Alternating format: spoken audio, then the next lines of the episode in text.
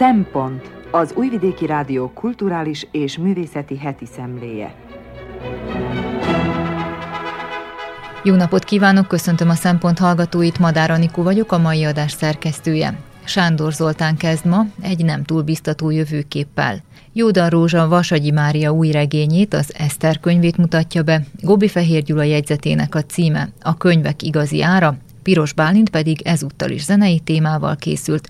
A Lacuna Coil együttes 20 évvel ezelőtti albumának újra gondolt változatáról beszél. Ez a kínálat, tartsanak velünk!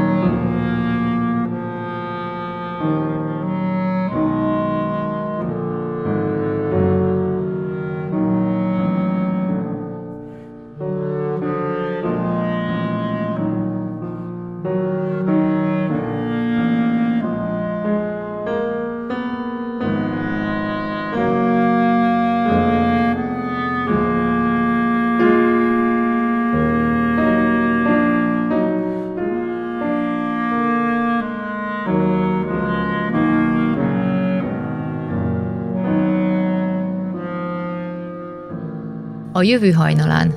Sándor Zoltáné a szó. A jövő elkezdődött.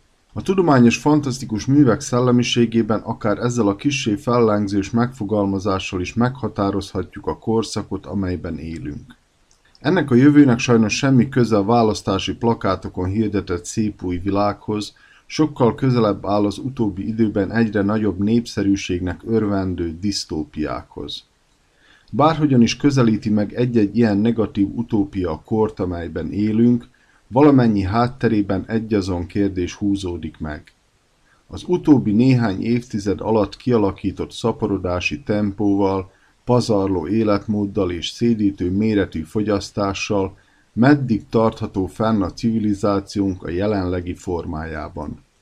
Ma már ugyanis nem az a kérdés, hogy létezik-e válság, hanem az, hogy kezelhető-e még. Nem szükséges ahhoz közgazdásznak lenni, hogy az emberben felmerüljön a kérdés. Vajon meddig tartható fenn az állandó növekedésre épülő gazdaság?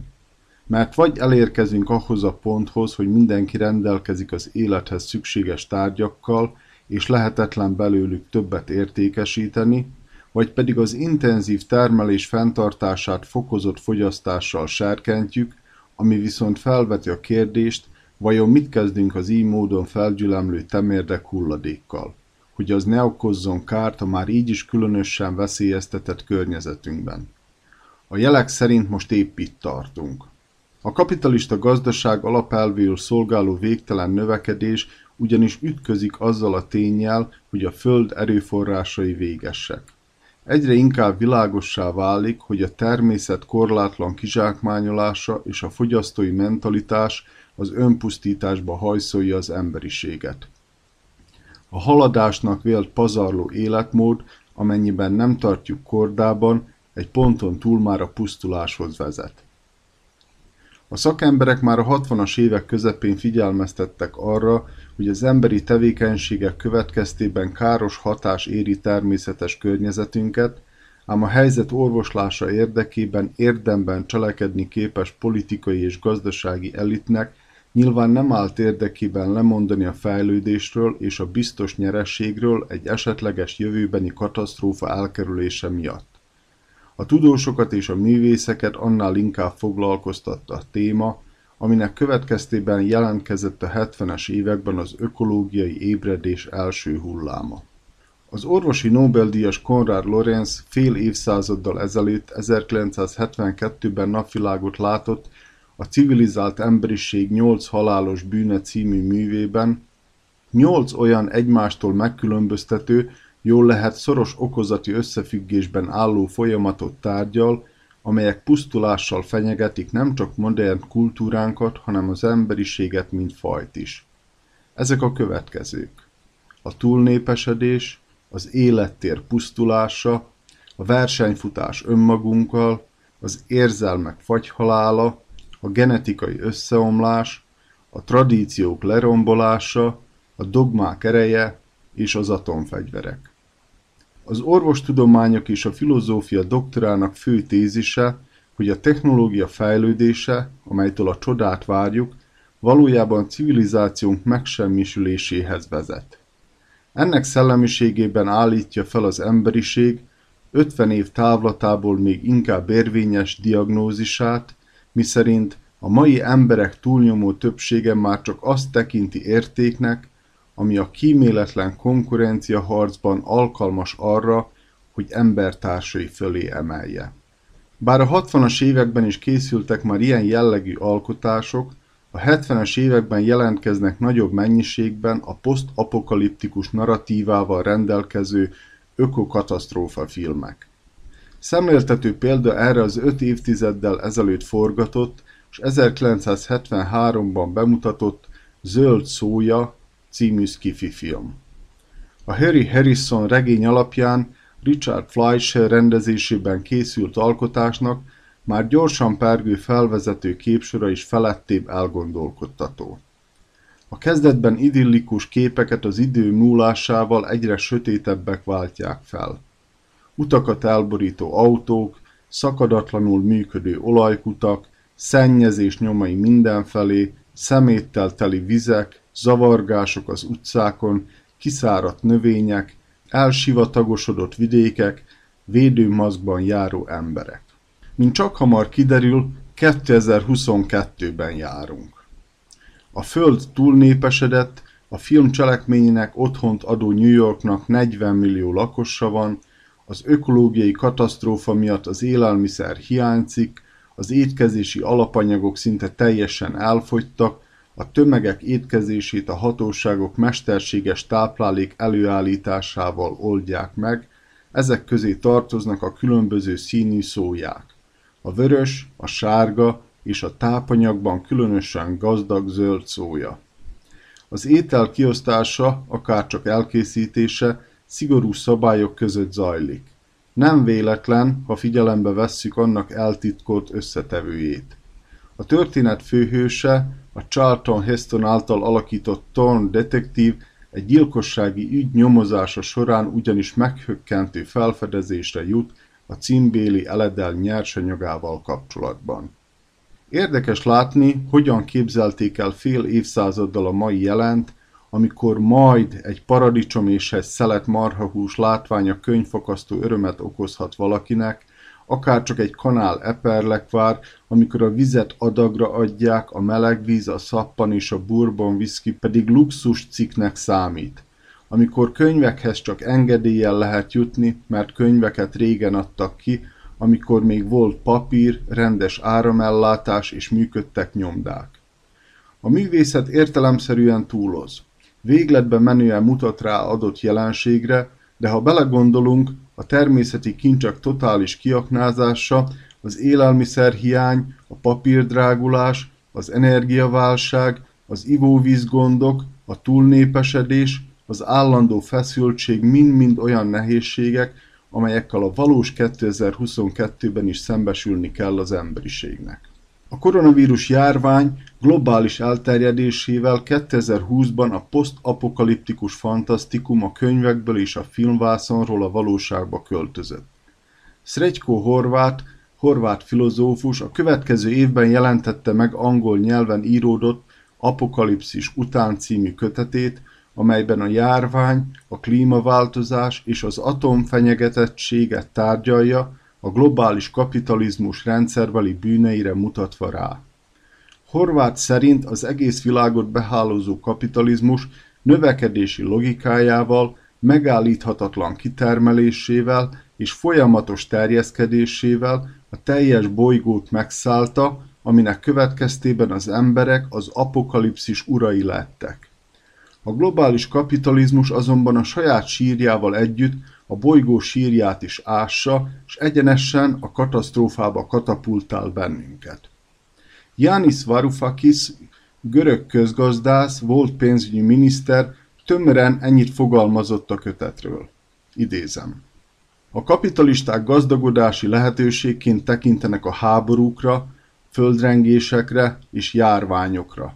Személyes hősöm, Szregyko Horvát leleplezte legújabb hajlamukat. Az apokalipszis átalakítását árucikké.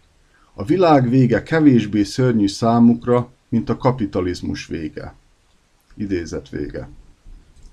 Az egyébként sem idillikus jövőképet tovább borzolta az idén februárban kitört orosz-ukrán háború, energiaválsággal, élelmiszerhiányjal, globális inflációval és atomkatasztrófa fenyegetettséggel szembesítve az emberiséget. Közben egyre inkább elterjedt az a nézet, miszerint a jelenlegi kihívások, a klímaváltozás, a gazdasági krízis, az illegális migráció, a koronavírus járvány, akárcsak a háború, mind-mind ugyanannak a globális válságnak a megjelenési formái. A különböző problémák dominó effektusként hatnak ki egymásra. A természet írtásával és az állatok életterének elpusztításával az ember és az állat olyan közelségbe kerül, aminek következményeként újabb vírusok és egyéb kórokozók jelenhetnek meg, amelyek a modern kapitalizmus infrastruktúrája révén villámgyorsan világméretű járványokat idézhetnek elő. A globális felmelegedés következtében élhetetlenné vált területek lakói kénytelenek tömegesen új lakóhely után nézni. Az egyre aggasztóbb nyersanyag és energiahiány megnehezítheti a gazdaság működését, ami fegyveres konfliktusokhoz vezethet, ami az ördögi kör mechanizmus alapján újabb menekült áradatot, nyersanyaghiányt, gazdasági pangást és további nehézségeket szülhet. Mindez azt jelzi, hogy már most meglehetősen kaotikus időszakban élünk, aminek intenzitása idővel fokozódhat.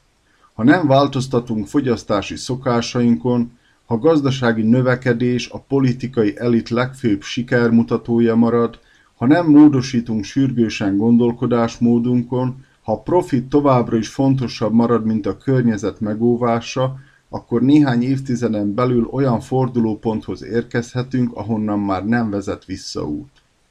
Egyes szakértők szerint az emberiség már is elkésett, a klímaváltozás már nem állítható meg, a globális felmelegedést legfeljebb csak lassítani lehet, és a civilizáció ebben a formában néhány évtizeden belül elkerülhetetlenül összeomlik, ami az életszínvonal jelentős csökkenéséhez vezet majd. A történelem végét felváltja a világ vége.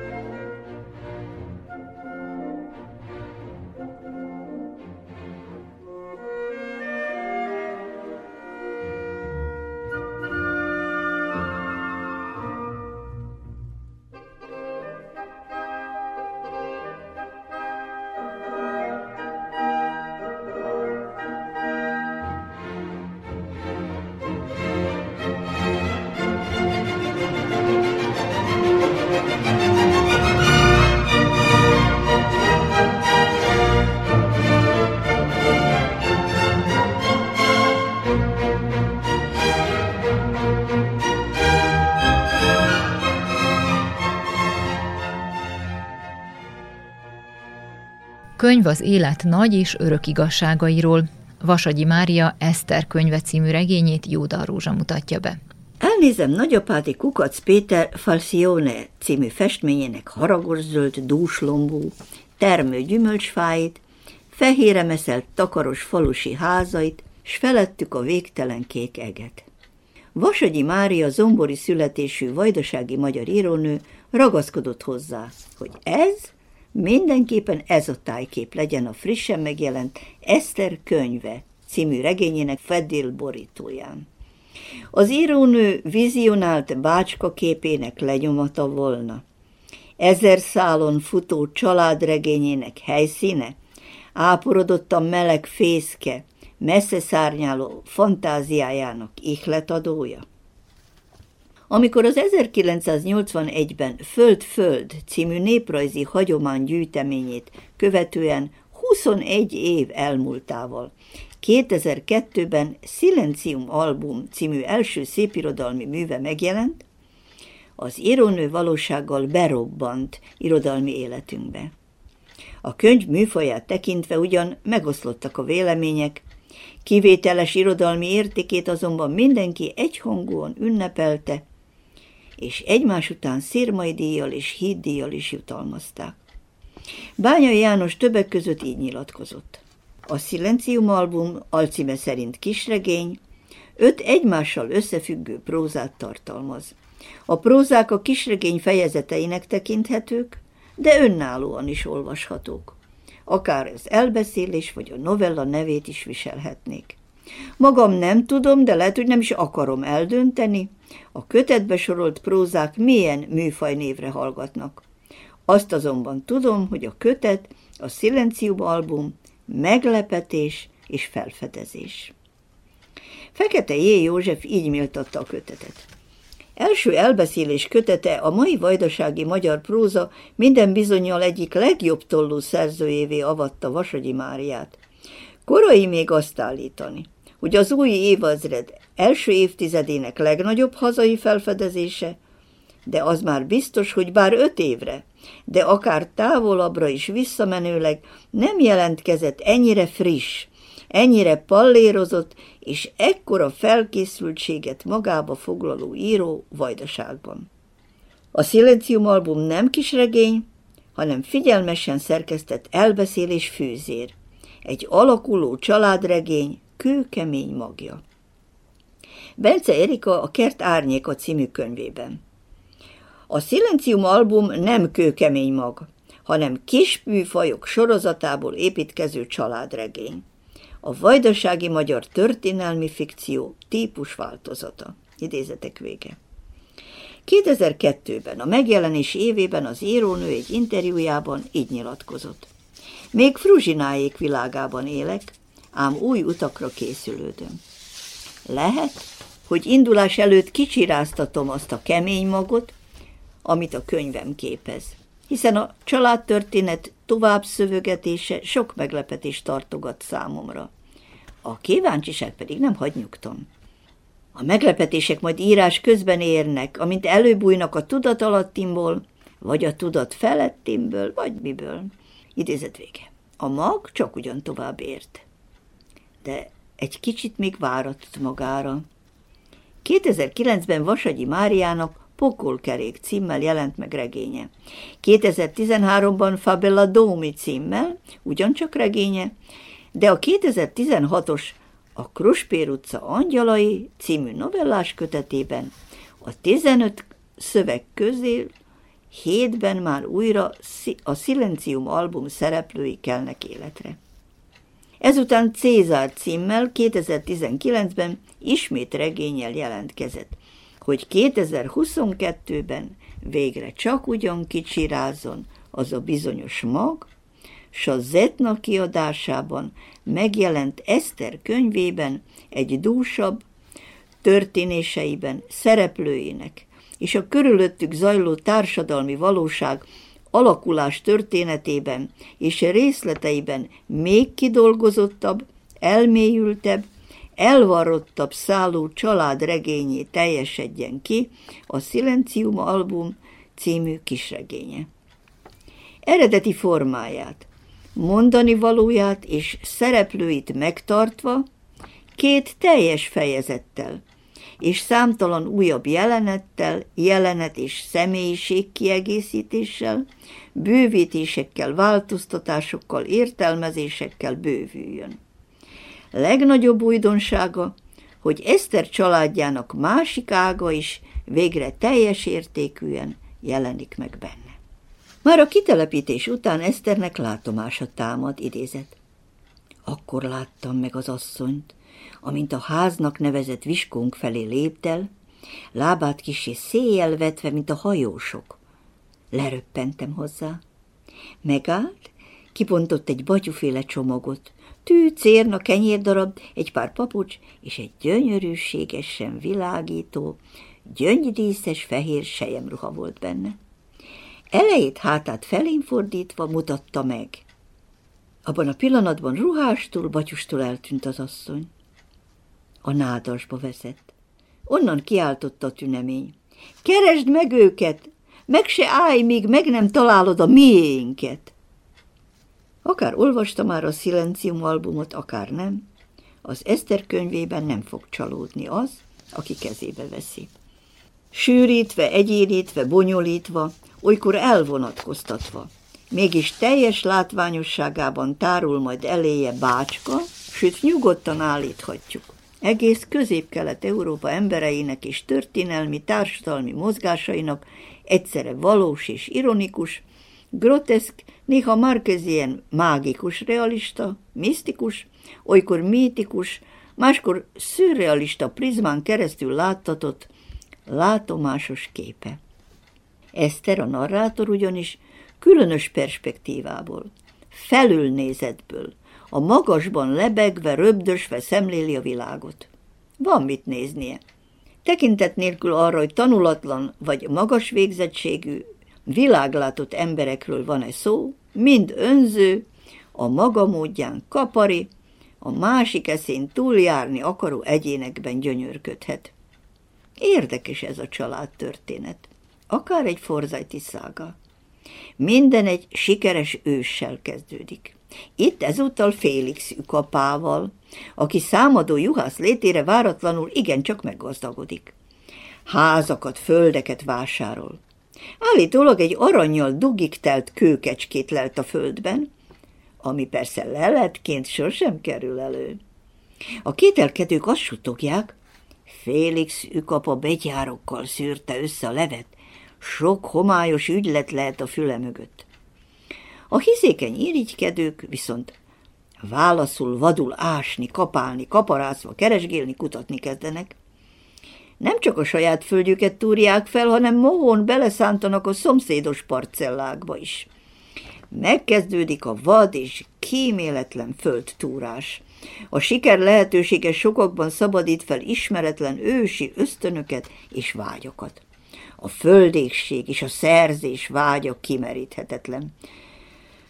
A második nemzedék igyekszik a kapottakat hasznosítani. A harmadik nemzedéknél már a látványos emelkedések és bukások váltogatják egymást, hogy a negyedik nemzedék a helyét keresse, vagy lassan elveszítse lába alól a talajt.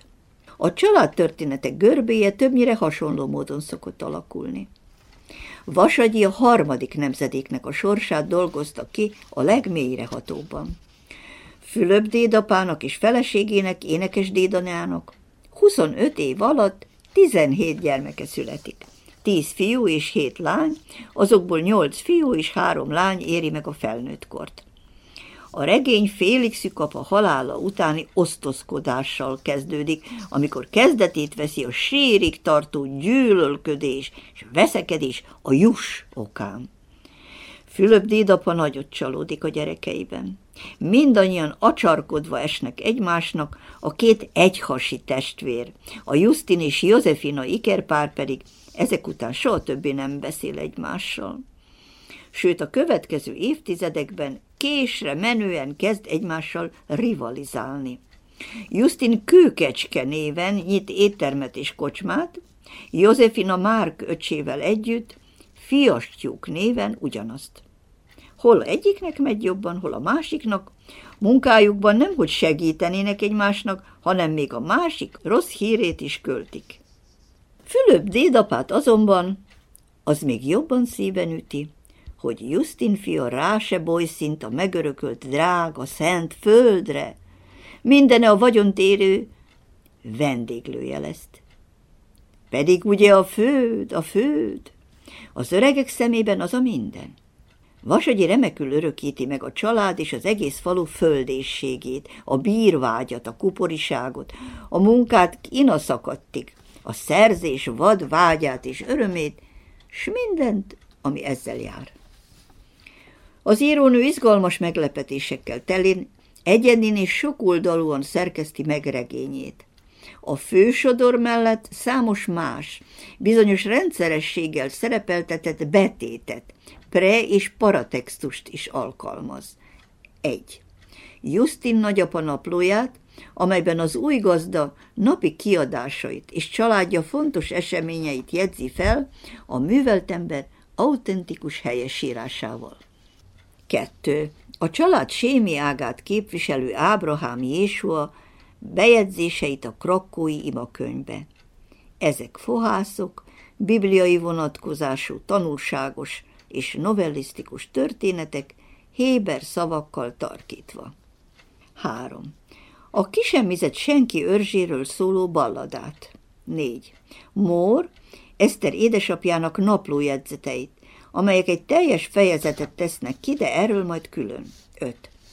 Eszter édesapjának, a tengereken India felé hajózó kényszerűségből tengerészé lett férfinak, először kislányként, majd már felnőttként írogatott panaszkodó, hazahívó leveleit. 6. A temetőpalánk sejem tégláira írt, vésett, ügyetlen kis mondatfoszlányokat, amelyek a környék cselédeinek, szegényeinek egymásnak hagyott üzenetei. Olykor egész sorsokra világítanak rá. Például egy szerelmes pár története is kibontakozik belőlük. Hetedik. Énekes dédanya mindenünnen felrikoltó, felvisító, csípő maró rigmusait. Mária nagy emberismerő. Regényében számos érdekes, jellegzetes karaktert vonultat fel. Egyik legerőteljesebb, az uralkodó természetű, gonosz, cinikus, de gyönyörű énekhanggal bíró énekes dédanya, aki állandóan szólásgazdag rigmusokban beszél, és mindenkibe, akihez szól, belemar, legfájóbb pontján sebezve meg az illetőt. Gyakran átkotszor a neki nem tetszőkre. 90. születésnapján aztán, amikor az egész rokonságot meghívták és gazdagon megtraktálták, miközben ő érces hangján vérig sértegetett mindenkit, végre megkapta magáét.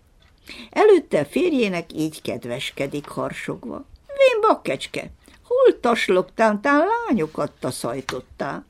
Néni, milyen bicebóca, ferde, mint a szuvas lóca. A kicsi Esztert sem kíméli. Rá se néz a szülő atya, oly randa a sári fatja. Erre azonban ánlebben közéjük. Sejteni lehet, hogy Eszter halott anyjának, sárának a szelleme, és örökre megbénítja a gonoszkodó nyelvet. A megnémult rikoltozó hat hét múlva meg is hal. A másik kiválóan és sokoldalúan ábrázolt egyéniség Fruzsina, a torta királynő, aki nem csak francia őseitől örökölt. Az egész család ugyanis francia eredetű, a szerző egész legendát sző sorsuk alakulása köré, pazar cukrász tehetséggel rendelkezik, amivel felvirágoztatja a kocsmát, hanem a művészetekhez is ért és rajong. Idővel a kőkecske udvarára színházat varázsol, ahol egyre hírnevesebb vándorművészeket léptet fel, és ezzel az egész helység szívét meghódítja. A félárva Esztert is ő dajkálja fel. Eszter időnként vele él meg nem mindennapi, ezoterikus kalandokat. Közben egyik háború váltja másikat. Első világháború, második világháború, holokauszt, majd orosz megszállás. A családot mindegyik megcsonkítja. Egyre fogynak. Végül a mindenüket elvesztett maradékot sárkánysori cifra házukból egy nyomorúságos, kenderáztató mellett összetákolt kaibába szállásolják, ahol Fülöp dédapa egyetlen tulajdona már csak egy sámli. Nem csoda, ha Justin nagyapa világá megy. A harmadik nagy szeretettel ábrázolt sokszínű egyéniség Mór, Eszter édesapja, akit a családja, mivel egy a kivégzésből általa megmentett zsidó lányt, sárát veszi feleségül, addig piszkál, míg Mór otthagyja a biztos jólétet, és feleségével hajóra száll, annak ellenére, hogy iszonyodik a víztől, és úszni sem tud. Ott élnek ők ketten, állandóan vízen, egy árut szállító hajón. Sára nyílt vízen, valahol a vaskapu közelében a hajó kabinban szüli meg a lányát, és bele is hal a szülésbe. Amikor erre az apa mégis kiköt, s a helyiek nyelvét nem ismerve, egyre a Duna nevét hajtogatja, Iszter, Iszter! A hatóságok félreértik, s az újszülött nevét Eszternek jegyzik be. Nos, Mór ugyancsak fiktív, évekig vezetett kalandos szövetű hajónaplójának az írónő egy egész fejezetet szentel, amelyből az olvasó a navigációról, a csillagászatról és az alkímiából is nyerhet némi ismeretet, ráadásul ez a napló tartalmazza a csodálatos, métikus álomtörténetet, amelyet a hajónapló, mint ahogy a Lióhanuták nevű ismeretlen törzsel él meg. Az édesapa egy hajókatasztrófában az indiai óceánon eltűnik. Naplóját élettársa, egy mulat nő juttatja el Eszternek. A zárófejezetben Fruzsina fikciós színdarabját végignézve a család élő és hult tagjai saját életükkel, sikereikkel, bűneikkel és mulasztásaikkal szembesülnek, és egyként tiltakoznak. Az nem úgy volt, hanem s végtelen magyarázkodásba, szerecsen mosdatásba kezdenek. Iván pedig létről és nem létről, Istenről, a fehér csendről filozofál. Idézet. Ahol nincs anyag, nincs mozgás, nincs hang, az a nihil, mondja. Vasagyi Mária az Eszter könyve című családregényével bácska sokszínű, sokkal sokszínűbb és több rétegűbb, mint általában elkönyvelik, sokat megélt és megszenvedett világát festi meg saját meglátásában, sajátos, egyéni, mint egy a megélt mondani való ihlette és teremtette, hiszen a regény bevallottan bizonyos értelemben is fokik önéletrajz is, újnak, felfedezésnek számító nyelv teremtésével. Nagyon sok mindent lehetne és kellene regényírásával kapcsolatban említeni. Az írónő művelődés történeti, természettudományos, folklorisztikai, néprajzi, zenei, nyelvi műveltségét és szárnyaló fantáziáját. Széles palettáját, amelyen megfér a tájnyelv, a választékos nyelv és a familiáris kisvárosi csacsogás, a jiddis, a latin, a német, a sokféle izmus, fantasztikum, ismeret, a helyi hiedelmek, szólások, babonák, egészen a teremtő szóalkotásig. Teszem az sem fű, sem fa, éset-véset, viselőm, messzikedvű, földet hősleni, siratozni, stb. Mindez azonban csak eszköz amivel szabadon, bátran minden belénk súlykolt sablont és megkövesedni látszó, cáfolhatatlannak hitt igazságnak kikiáltott békjót elvetve, csak használ, felhasznál, hogy mint Eszter a főhőse szabadon röbdösve felülről, a maga látószögéből nézve és megszűrve hirdesse a maga megszenvedve szerzett tapasztalatait, világlátását, a maga igazságát.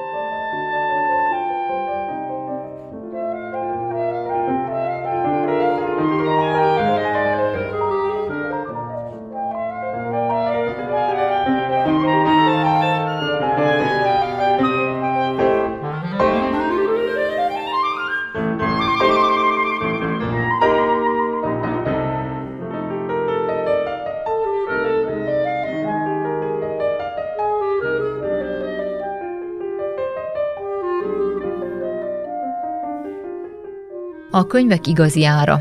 Gobbi Fehér Gyula olvassa feljegyzetét. Amint beszámoltunk róla, véget ért a belgrádi nemzetközi könyvvásár. Pedig kezdete előtt egy héttel még az is kérdéses volt, hogy a könyvkiadók egyáltalán részt vesznek-e rajta, hiszen többségük kijelentette, hogy erre anyagi okokból nem képes, mert a kulturális minisztérium nem ejtette meg az úgynevezett évi felvásárlást, vagyis nem járult hozzá a könyvek nyomtatására szükséges pénzalaphoz. A minisztérium azonban pár nappal a könyvvásár megnyitása előtt kifizette a villámgyorsan megítélt összegeket, és az olvasóközönség nagy örömére a vásárcsarnokok valóban megteltek. Azt hiszem, a jelen pillanatban mindenki számol. A kiadók saját bevételeiket számolják, akár csak a belgrádi vásár igazgatósága, a minisztérium pedig az, hogy sikerült-e lecsillapítani a kedélyeket. A megfelelő intézkedések hiánya miatt, a megszokott intézkedések felesleges késése miatt sokan tiltakoztak, de a hazánkban uralkodó elv, vagyis semmit se tegyél meg, amíg nem muszáj, uralma alatt nyögve mindenki a végsőkig toleráns volt, és így végül bejelenthető, hogy még egy sikeres nemzetközi könyvvásár megtartatott. Hivatalosan sikeres volt is. Mindenki vonuljon saját kuckójába és nyalogassa a sebeit, már amennyi sebet kapott, és amennyit kibír. Azok a kiadók, amelyek úgy érzik, hogy a minisztérium által felállított bizottság nem becsülte fel kellőképpen kiadványaik fontosságát, vagy nem ismerte el őket, azok csak ezek után jelentkeznek majd. Erre még várni kell, de az biztos, hogy egy teljesen felesleges intézkedést hozott a minisztérium, mikor az előző bizottságot leváltotta, javaslatát semmisítette, hiszen az olvasók nem a személyes döntésekre kíváncsiak, őket az új kiadványok birtokba vétele érdekli, mert számukra ez a legfontosabb. Az adminisztrációt pedig semmi más, mint saját harcai érdeklik, ott mindenki a hierarchiában való helyzetéért küzd, és minden intézkedést saját érvényesüléséért használ fel.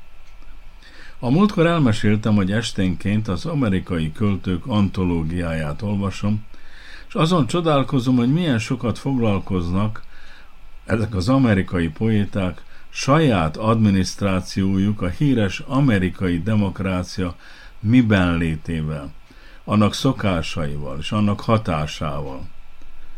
Talán többet is, mint amennyit kellett volna, gondolom én.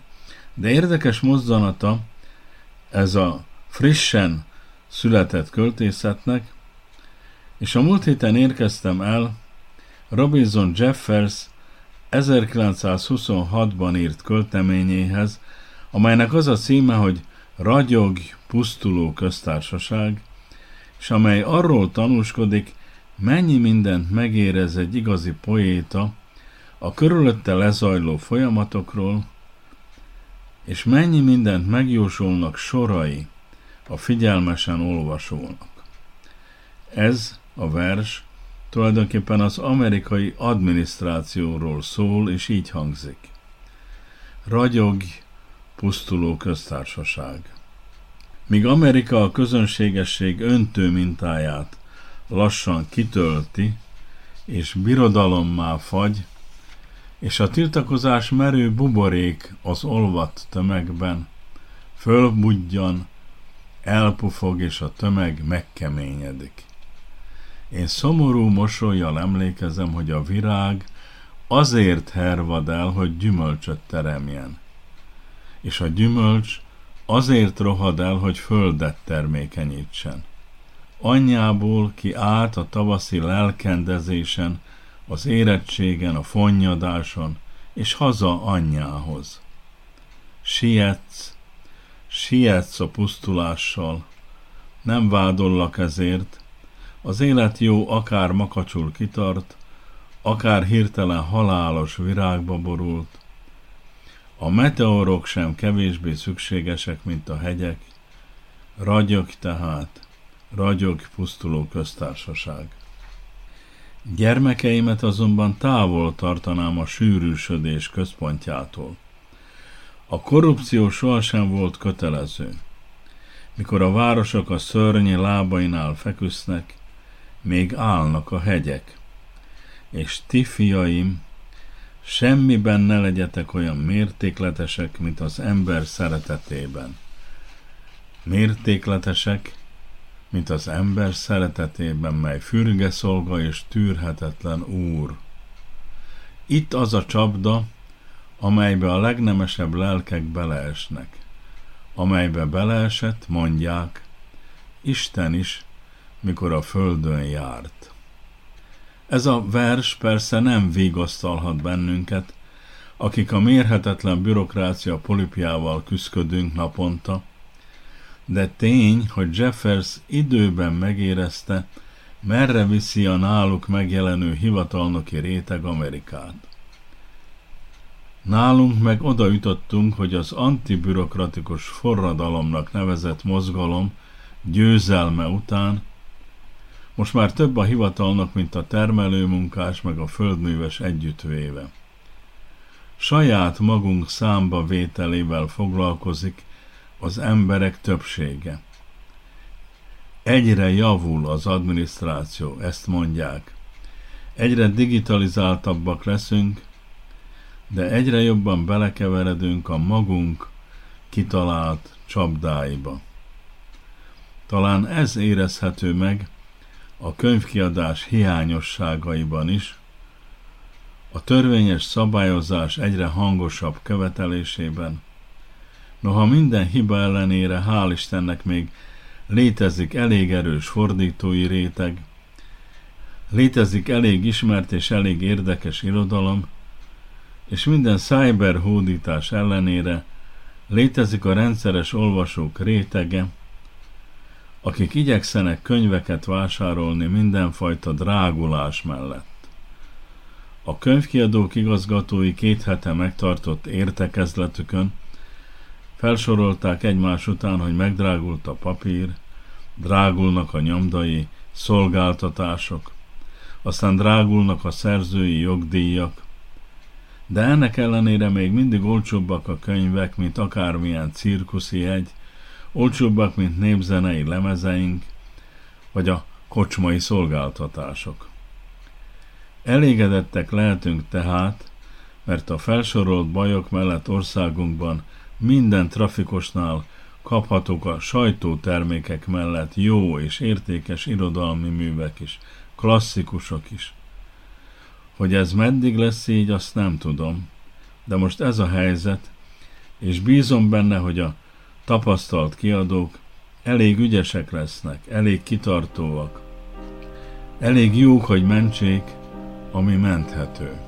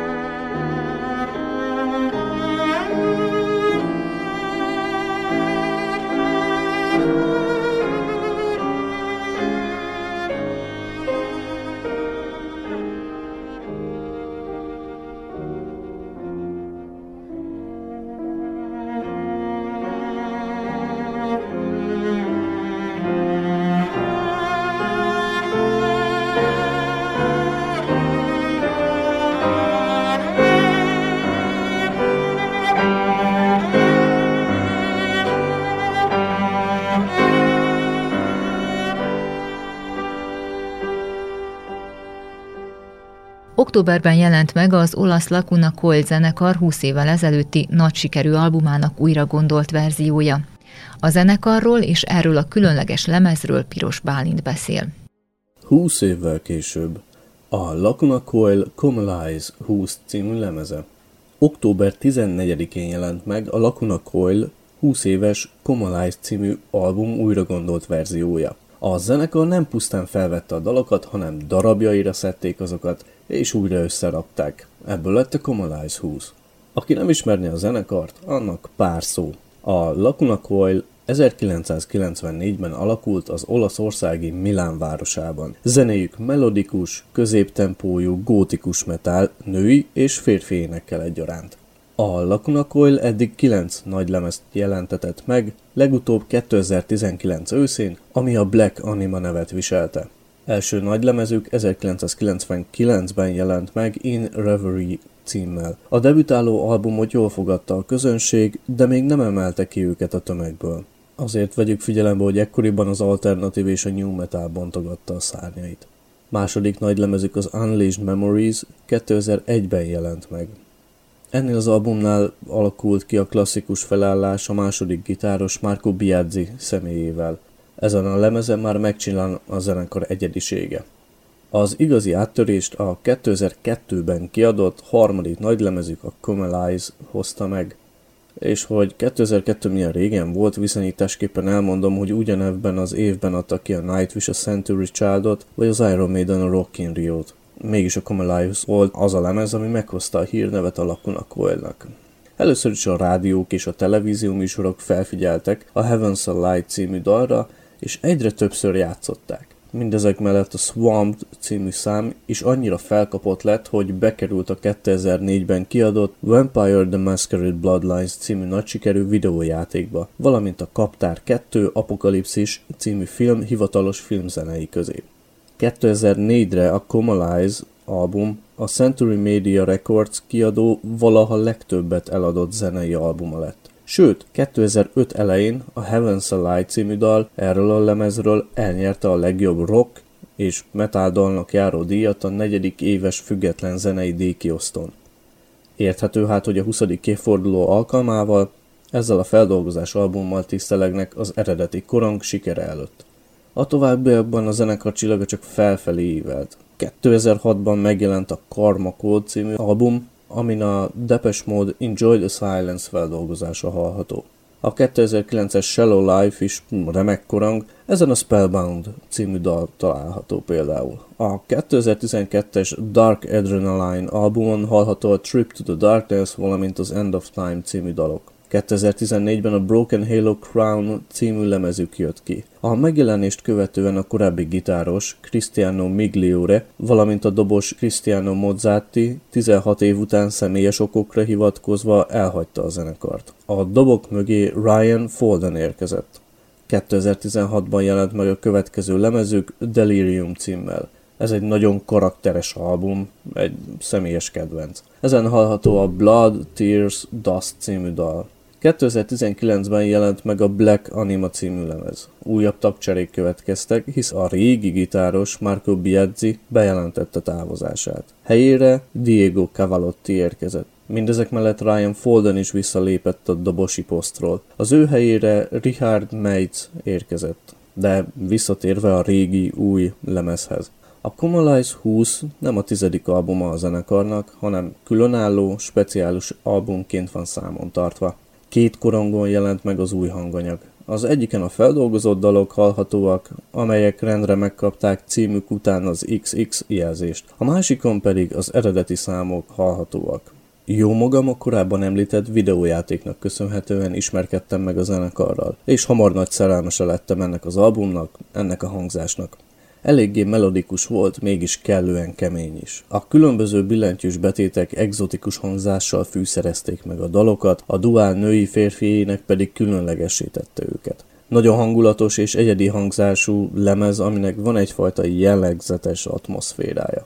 A Comalize 20 valóban az album átemelése a mába, a mai modern hangzásba. Christina Scabbia hangja csak gyönyörűbb és kifejezőbb lett, 20 év ide vagy oda. Andrea Ferro death metalos hörgése igazán jól áll neki, meg a zenekar hangzásvilágához, a keményebb gitárhangzáshoz is jobban illik, mint a korábbi tiszta ének.